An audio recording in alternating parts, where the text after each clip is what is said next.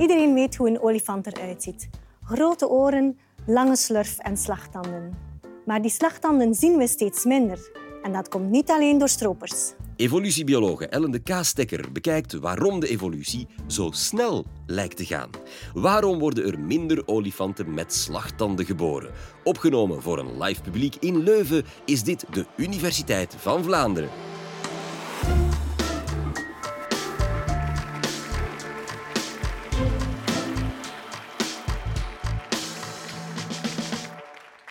Als we naar documentaires van vroeger kijken, daar zien we vooral olifanten met slagtanden. Maar jammer genoeg zien we nu dat in de loop van de tijd in feite heel snel die slagtanden aan het verdwijnen zijn. En waarom is dat? Dat vraag ik mij af als evolutiebioloog. Want in feite, een tiental jaar is zeer snel. Zeker voor zo'n grote zoogdieren als olifanten. Normaal verwachten we dat zo'n kenmerkveranderingen over 100 tot 1000 jaar gebeuren. En hier zien we dat heel snel. Ik ga jullie daarvoor meenemen naar de Afrikaanse savanne in Mozambique. Maar voordat we naar daar gaan, wil ik jullie terug eerst meenemen naar Darwin. Uh, en Darwin heeft in feite een grote wereldreis gemaakt met zijn boot de Beagle. In 1826 is hij daarmee vertrokken en heeft hij in feite een hele wereldreis gemaakt waarin dat hij heel veel ontdekkingen heeft gedaan. De eerste ontdekking dat hij deed, was in feite dat hij zag dat je dieren veranderen geleidelijk. Dus dat je kleine geleidelijke veranderingen krijgt of adaptaties. Dat zijn kleine kenmerkverschuivingen doorheen de tijd. En hij zag ook dat die in feite overgedragen werden van ouder op nakomeling. En dat principe noemen we de overerving. Nu, hij had niet alleen het principe van de geleidelijke veranderingen gezien, hij had ook een ander belangrijk principe ontdekt en dat is het principe van natuurlijke selectie of survival of the fittest. Hij zag op zijn tocht door de wereld, kwam hij op een bepaald moment op de Galapagos en daar kwam hij de reuzenschildpadden tegen. En die reuzenschildpadden die, uh, hebben eigenlijk verschillende types. Dus we hebben types met lange nekken, we hebben types met korte nekken en we hebben types in feite met een intermediair tussenin kenmerk. Nu, wat zie je op die uh, Galapagos-eilanden? Dat je in feite type verschuivingen krijgt doorheen de tijd. Op droge eilanden, waar dat de vegetatie hoog is, hebben typisch de lange nekken een voordeel, want dan kunnen ze aan de hoge vegetatie. Maar op eilanden waar dat het vochtig is, daar heb je heel veel gras en daar hebben de korte types een voordeel. Nu, wat zag hij? Dat was eigenlijk natuurlijke selectie in actie. Vooral op de eilanden met droge, eh, die, die zeer droog waren, zie je eigenlijk dat je een verschuiving krijgt van korte nekken naar lange nekken. En die veranderingen gebeuren eigenlijk vrij geleidelijk. Dus wat zie je? Je ziet dat uit een pool van genetische variatie korte nekken, lange nekken, systematisch de lange nekken een voordeel gaan hebben.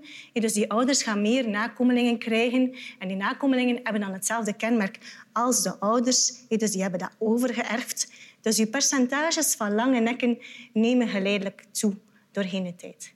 Dat is natuurlijke selectie eh, in actie. Nu, die reuzenschildpadden, dus daar zien we dat er veranderingen zijn.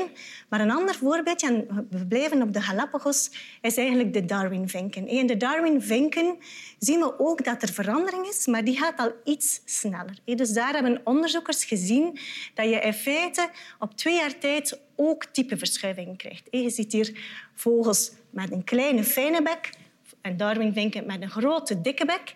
Wat hebben ze gezien in 1976? Sommigen van jullie gaan zich daar nog herinneren. Um, krijgen we eigenlijk een heel sterke droogteperiode. Dus heel sterke droogte, dus dat doet die vinkenpopulaties dalen. Dus het voedsel daalt, de vinkenpopulaties dalen.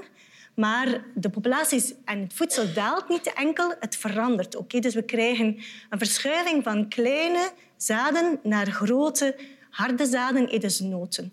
En wat zag je dat op twee jaar tijd in feite de bekgroottes van die Darwin-vinken toegenomen waren. Dus op twee jaar tijd krijg je daar een type verschuiving doorheen de tijd. En dat is evolutie, natuurlijke selectie in actie. Dus dat gaat... Uh, hier spreek ik nu over twee jaar, maar we kunnen eigenlijk die evoluties ook veel sneller zien. En jullie kennen daar allemaal een voorbeeldje van. Uh, dat is het coronavirus. Het, is het coronavirus is een RNA-virus. En dus die RNA-virussen die muteren heel snel. Dus je krijgt veel verschillende types. Feitelijk die mutaties op een aantal uur tijd. En dus wat krijg je? Dat de, de types feite waar dat we nog niet resistent tegen zijn, die gaan dominant worden doorheen de tijd. Dus we krijgen dominante types. Dus we hebben oorspronkelijk eerst in 2019 het COVID-type uit China gekregen. Dan merkten we dat we nieuwe mutanten kregen uit Brazilië, uit Zuid-Afrika. We hebben daar eigenlijk resistentie tegen ontwikkeld. Maar we zien dat we nu nieuwe mutanten of varianten krijgen. Dus dat is eigenlijk juist hetzelfde principe. Nieuwe types doorheen de tijd. Met die snelle evoluties ben ik eigenlijk ook dagelijks bezig eh, in ons labo. Dus in ons labo werken we met een klein modelorganisme. En dat, modelorganisme dat noemt de watervlo. En de watervlo is een kleine kreeftachtige. En daarvan hebben we eigenlijk ook evolutie in de tijd gereconstrueerd. Wat hebben we gedaan? We hebben eigenlijk rusttijdjes van die watervlooien uh, ontloken en teruggegaan in de tijd. En we hebben die watervlooien uit die verschillende tijdsperiodes blootgesteld aan bacteriën, ook uit verschillende tijdsperiodes. En dan zie je dat je terug op twee jaar tijd eigenlijk continu die nieuwe types krijgt. Dus nieuwe mutanten, nieuwe bacteriële mutanten, die in feite telkens de gastheer, hier in dat geval, eerder de gastvrouw, de watervlo, gaan infecteren. En dat principe van die continue aanpassingen, dus die snelle aanpassingen tussen gastheren en parasieten, dat noemen we in evolutionaire termen co-evolutionaire wapenwetlopen. Dus zeer sterk in het beeld. Dus die co-evolutionaire wapenwetlopen gaan heel snel. Goed. Dus dat zijn die snelle evoluties waarbij dat we zien dat in feite zeldzame types de overhand kunnen krijgen. En dan denken jullie nu, oké, corona, watervlooien, olifanten. Dus wat zien we, en, en wat ik jullie wil bijbrengen, is in feite dat die evoluties vrij snel kunnen gaan, ook in olifanten. Dus dat je die kenmerkverschuivingen krijgt. En heel vaak is de mens daar wel nog eens de oorzaak van. Dus in het geval van corona is dat het binnenbrengen van die pathogenen, van die zeldzame pathogenen. In het geval van de olifanten is dat eigenlijk de leefomgeving die verandert. En dus neem ik jullie nu mee dus naar die Afrikaanse savanne in Mozambique. En, en wat zien we daar? In Mozambique, wat is er daar gebeurd? Sinds 1975, een beetje dezelfde periode als het Darwin-Vinken-verhaal, krijgen we daar een sterke burgeroorlog. En dus door de sterke burgeroorlog gaan opnieuw, net zoals de Darwin-Vinken daarnet bij droogte, maar nu natuurlijk door direct menselijk toedoen, gaan die olifantenpopulaties naar beneden. Dus we krijgen een sterke daling in die aantallen van die olifanten. Natuurlijk omwille van de slagtanden voor het ivoor, maar ook gewoon omdat de mensen honger hadden. Dus alle olifanten werden gedood. Dus er was in feite een sterke reductie in die populatie. En het eerste effect dat we daar zien, natuurlijk die stropers die echt voor dat ivoor hingen. Want dat ivoor, zeker in oorlogstijden, was enorm gegeerd en nog altijd. Maar daar krijg je een type verschuiving van olifanten met slagtanden naar zeldzame olifanten zonder slagtanden.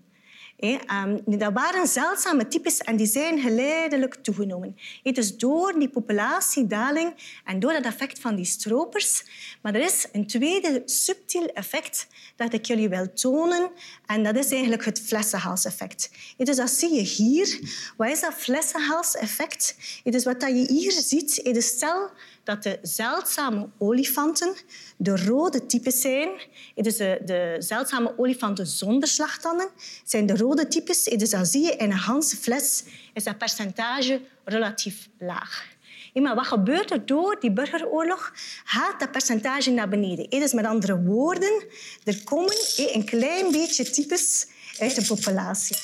En ik weet niet of jullie het goed kunnen zien, maar dan zie je in feite dat hier het percentage aan rood in die aantallen heel sterk gestegen is. Dus als we van 10 rode op 100 M&M's naar 10 rode op pakweg 50 M&M's gaan, dan stijgt ons percentage.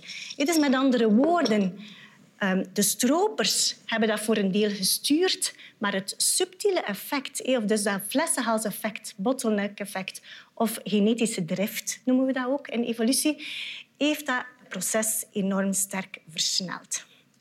Goed, tot daar uh, het flessenhalseffect. Het tweede mechanisme dat ik jullie daarbij wil uitleggen, is eigenlijk uh, het feit dat het niet hebben van slagtanden is eigenlijk een genetische afwijking of een syndroom.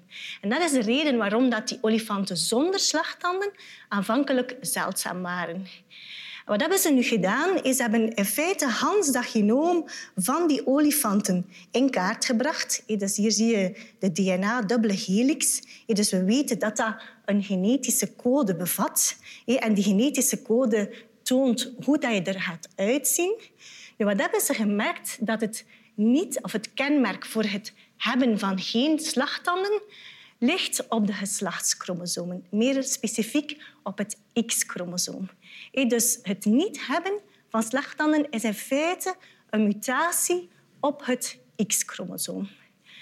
En vrouwtjes hebben twee X-chromosomen, X en X. Mannetjes hebben een X en een Y-chromosoom wat zien we dat mannelijke olifanten of mannelijke embryo's die XY hebben met die genetische afwijking, die sterven. Dus dat is een syndroom waar er meerdere afwijkingen zijn. Dus het niet hebben van slagtanden, maar ook nog andere kenmerken. Dus die sterven. Dus we noemen dat letaal. Vrouwtjes daarentegen hebben XX. Dus dat wil zeggen dat ze in feite een extra beentje op dat chromosoom hebben. En door dat extra beentje kunnen ze eigenlijk compenseren voor die afwijkingen. Dus vrouwelijke olifanten met die genetische afwijking zijn wel leefbaar.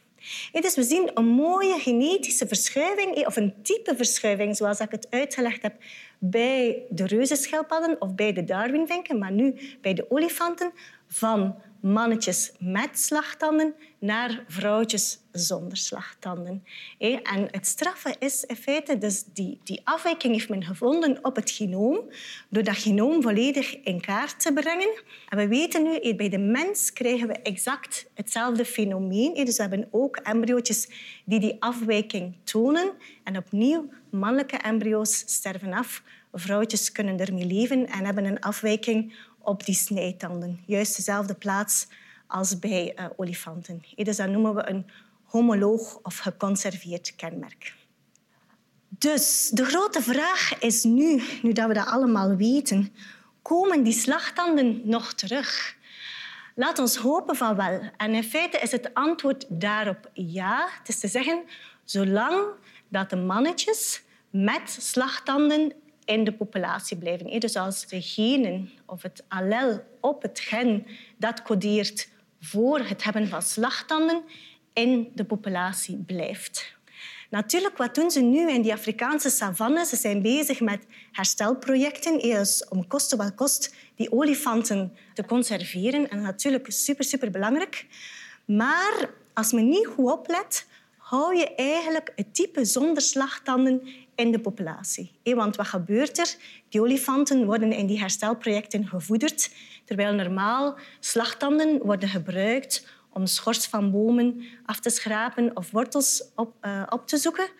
En dus in feite, door die herstelprojecten, als je niet oplet, ga je het effect versterken. Dus vandaar dat er in feite drastische ingrepen zijn, nodig zijn um, om, om die types te veranderen. Sowieso, dus net zoals eerder de types met slagtanden in numeriek voordeel waren, zijn nu de olifanten zonder slagtanden in numeriek in aantallen um, in voordeel. En dus wat gaan we doen? Een oplossing daarvoor is kruisingen doen. Dus tussen olifanten, mannelijke olifanten met slagtanden. En die zet men dan bij vrouwtjes zonder slagtanden. Dus zoals wat men dat doet nu in Plankendaal. Had men uh, met de Aziatische olifanten. Is een olifant uit de zoo, de zoemende mannelijke kanvar-olifant, heb je misschien van gehoord. Bij de vrouwtjes gezet in Plankendaal. Nu, het grote probleem is daar, die vrouwtjes zijn niet zo onder de indruk van kanvar. Dus ze moeten duidelijk nog bijkomende ingrepen doen. En dat toont dat die herstelprojecten ook die genetische achtergrond, dat dat superbelangrijk is en niet zo eenvoudig. En dat wordt vaak vergeten. Dus die genetische diversiteit Die genetische basis is heel belangrijk ook voor onze biodiversiteit. Dus waarom worden er minder olifanten met slagtanden geboren? Twee belangrijke effecten. Dus het eerste effect, natuurlijke selectie door stropers. Tweede belangrijke effect, versterking door het flessenhals-effect. Maar bijkomend, niet te vergeten, heeft ook te maken met de genetische achtergrond en de afwijkingen op het X-chromosoom. En uiteindelijk, het belangrijkste van al, is dat we hopen dat er minder olifanten moeten sterven en dat we terug olifanten in de Afrikaanse savanne krijgen, maar dan olifanten met slagtanden, want dat is duidelijk de meest stabiele en gezonde populatie. Zin in nog meer interessante colleges over olifanten? Check dan aflevering 338 uit onze reeks over olifantenkak. Ja hoor, met ecoloog Judith Sitters. Heel graag tot daar of tot een volgende keer.